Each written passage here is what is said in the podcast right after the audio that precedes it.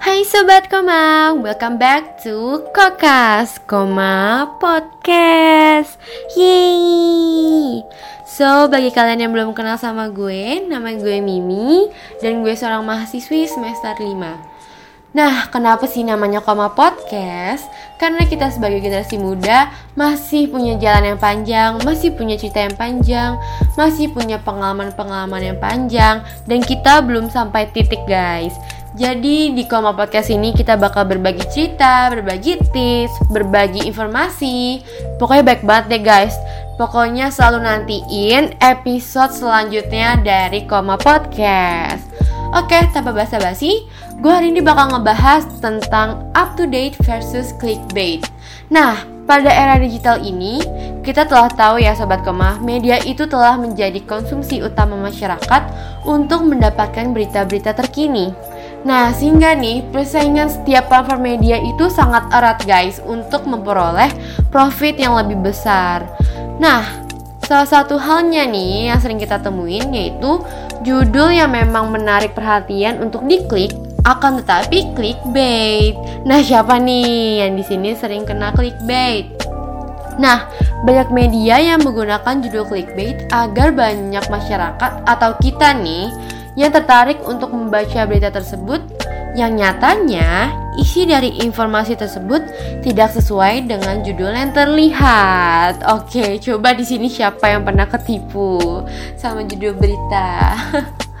nah, jadi itu membuat kita ya harus lebih hati-hati buat naruh kepercayaan terhadap suatu platform media atau berita karena dampaknya itu besar banget kalau misalnya ternyata judul berita tersebut adalah hoax.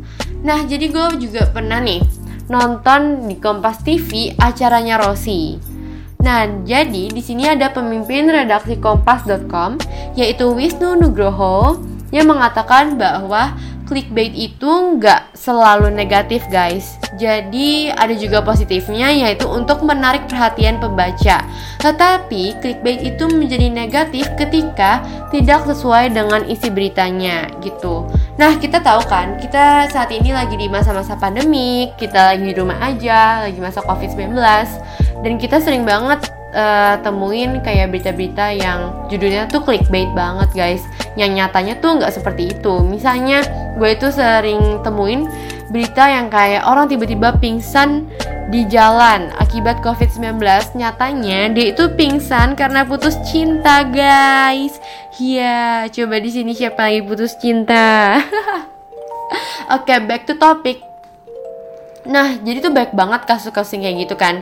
Dan juga banyak dari dosen-dosen, misalnya dosen WMN, ada dosen UI di acara Rossi tersebut yang tidak setuju dengan adanya clickbait di masa-masa pandemi kayak gini karena kita tahu kan masa pandemi ini adalah masa yang di mana-mana kita harus berjuang harus penuh harapan punya harapan lebih supaya kita bisa keluar dari masa-masa pandemik seperti ini guys Nah, karena gue anak komunikasi nih guys Dan mungkin yang lagi dengerin juga anak komunikasi nih Mungkin tahu nih yang bakal gue sebutin. Jadi, Tema podcast kali ini berhubungan sama satu konsep komunikasi, yaitu teori agenda setting yang dikembangkan oleh McCombs dan Shaw pada tahun 1972 yang menyimpulkan bahwa media mempunyai efek yang sangat kuat dalam mempengaruhi asumsi masyarakat. Nah, apa yang terjadi bila media membawa masyarakat kepada arah asumsi yang salah? Pastinya ya sobat koma menjadi hal yang sangat penting untuk dipertimbangkan lagi oleh media. Nah, jadi tadi kita udah ngomongin kan, kita udah tahu nih kita lagi di masa pandemik.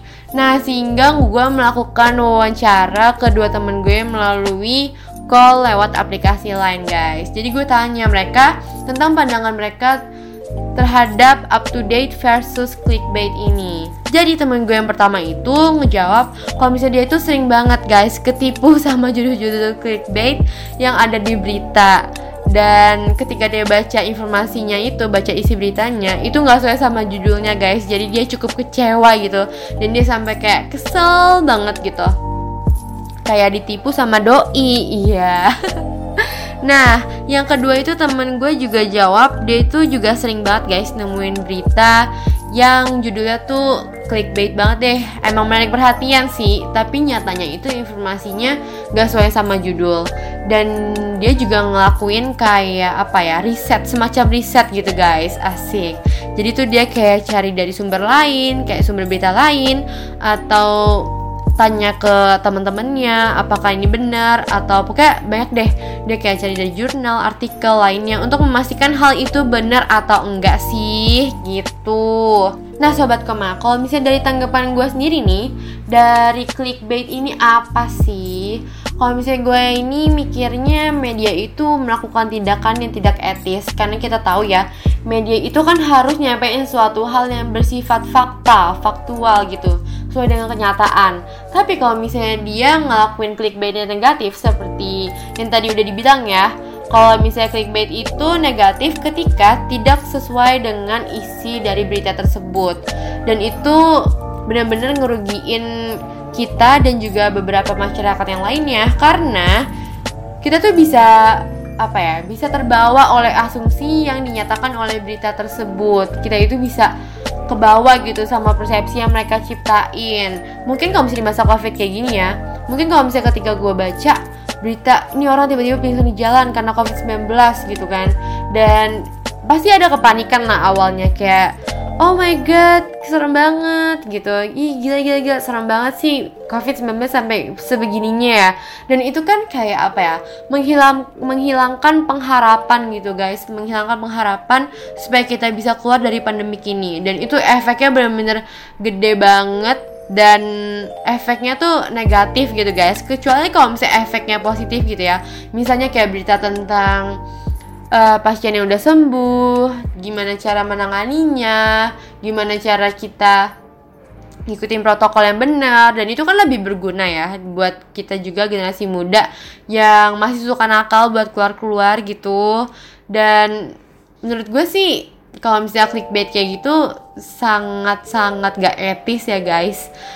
Ya pokoknya nyebelin banget deh kalau misalnya setiap nemu berita yang judulnya tuh clickbait kayak ih kesel banget gitu greget buat apa gitu kayak ya jangan jangan cuma gara-gara pengen profit yang besar gitu ya. Jadi itu ngorbanin kayak pandangan kita gitu. Dan itu salah besar buat media yang ngelakuin kayak gitu Nah oke okay guys selanjutnya gue nemuin dari www.solopost.com tips-tips bedain clickbait atau bukan ya gitu. Nah di sini yang pertama ciri-ciri clickbait yaitu judul lebih dari 10 kata. Jadi guys Ketika kalian melihat judul berita, kalian harus hitungin dulu tuh 1, 2, 3, 4, 5, dan seterusnya Apakah itu lebih dari 10 kata atau enggak sih? Nah yang kedua, jumlah karakter per kata kurang dari 5 huruf Nah kalian juga harus ngitung lagi tuh guys Yang ketiga, pilihan kata atraktif yang keempat, bikin penasaran. Nah, sebenarnya kalau misalnya bikin penasaran itu wajar ya guys. Kembali lagi yang tadi awal-awal banget nih gue bilang, clickbait itu sebenarnya wajar ya buat menarik perhatian si pembaca buat klik. Tapi kalau misalnya yang kemungkinan besar itu clickbait itu yaitu tiga, tiga poin pertama guys dari yang judul lebih dari 10 kata, yang kurang dari 5 huruf, pilihan kata atraktif dan itu yang kemungkinan besar gitu. Nah, di sini juga ada formula clickbait nih guys. Udah kayak formula obat ya guys, udah kayak ada formula-formula gitu. Keren banget dah. Nah, jadi yang pertama judul bombastis. Nah, jadi di sini nih kita bisa lihat ya yang pertama itu judul bombastis. Jadi di sini media harus mengeluarkan judul yang kayak apa ya, bikin orang tuh wow gitu. Yang kayak bikin viral lah, bikin heboh gitu. Nah, yang kedua ini bikin masyarakat penasaran atau kita-kita ini penasaran ketika membaca judul tersebut. Dan yang ketiga adalah kita mulai klik guys dan kita telah memberikan profit terhadap media tersebut. Jadi gitu guys sistem dari clickbait tersebut. Cari judul yang heboh, abis itu bikin kita penasaran dan kemudian kita klik gitu. Jadi kalian semoga ngerti ya gimana cara bedain yang clickbait atau yang bukan. Nah, Kayaknya udah berbusan nih ya gue udah ngomong lama. Jadi di sini gue pengen narik kesimpulan kita itu sebagai para konsumsi media ya guys, terutama generasi muda harus lebih pandai dong untuk memilih berita dan mencari kebenaran terhadap suatu berita yang kita dapetin di sosial media maupun Google maupun apa aja deh pokoknya. Dan kalau misalnya saran gue kepada media-media yang mungkin telah melakukan clickbait, media itu perlu lebih bertanggung jawab ya, serta mempertimbangkan apa dampak dari judul berita yang ditulis terhadap masyarakat yang membacanya. Jadi itu harus pikir berkali-kali lipat tentang dampak yang disebabkan oleh judul yang mereka tulis gitu. Dan untuk media juga jangan membuat masyarakat atau kita nih guys generasi muda nih jangan membuat kita tuh yang ingin up to date menjadi kemakan clickbait gitu. Jadi sebenarnya intinya itu sih guys untuk media jangan bikin kita nih generasi muda. Mungkin kan generasi muda nih kurang kayak kurang nonton TV gitu kan. Sekarang apa sih mainnya sosmed, YouTube.